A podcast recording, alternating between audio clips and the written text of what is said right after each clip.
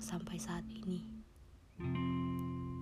Ya, seseorang yang sangat berarti. Nadif Arifanda Saputra. Itu namanya. Seorang putra dari seorang wanita yang luar biasa. Aku mengenalnya secara tak sengaja. Seperti semua telah diatur sedemikian rupa. Kami hanya berboncengan, lalu berusaha untuk saling basa-basi. Malam itu, aku sangat bahagia. Aku tak menaruh harapan apa-apa, tapi aku bersyukur karena bisa mendengar ceritanya. Tanpa sadar, hubungan kami terus berjalan.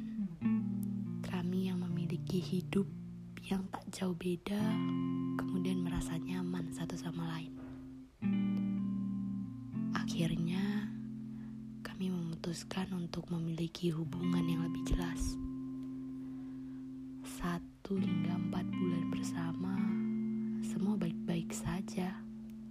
Tak ada masalah, tak ada hal yang diributkan.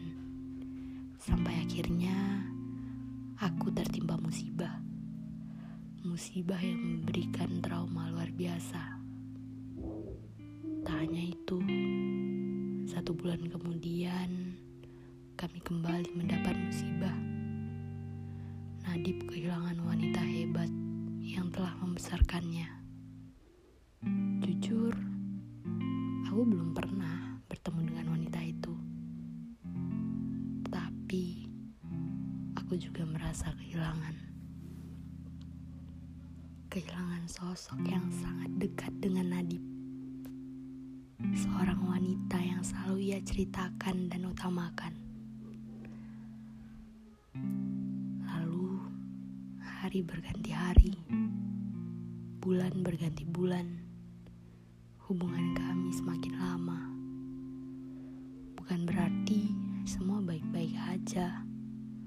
Masalah yang kami hadapi tak kalah berat dari bulan-bulan sebelumnya. Putus sudah berapa kali kami alami, tapi selalu balik lagi.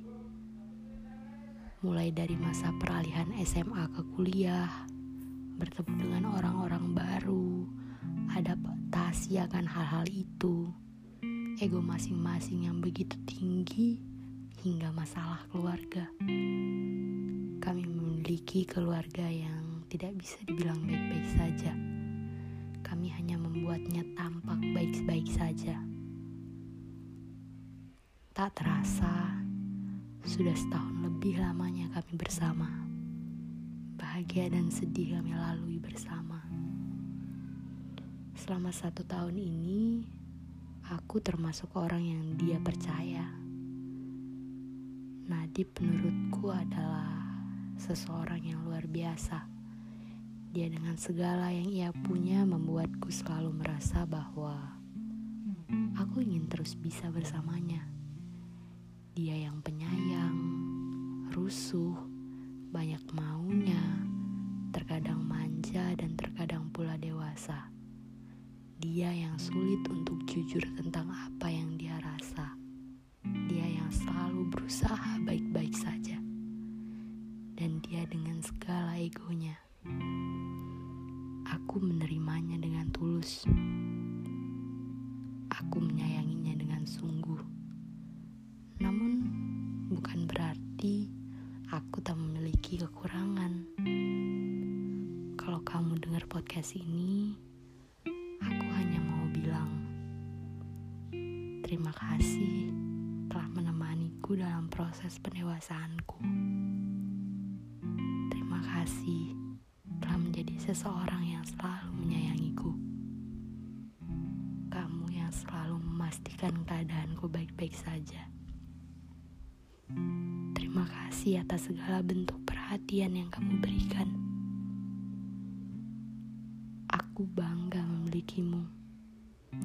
Dan harapanku semoga kamu bisa melewati proses dewasamu.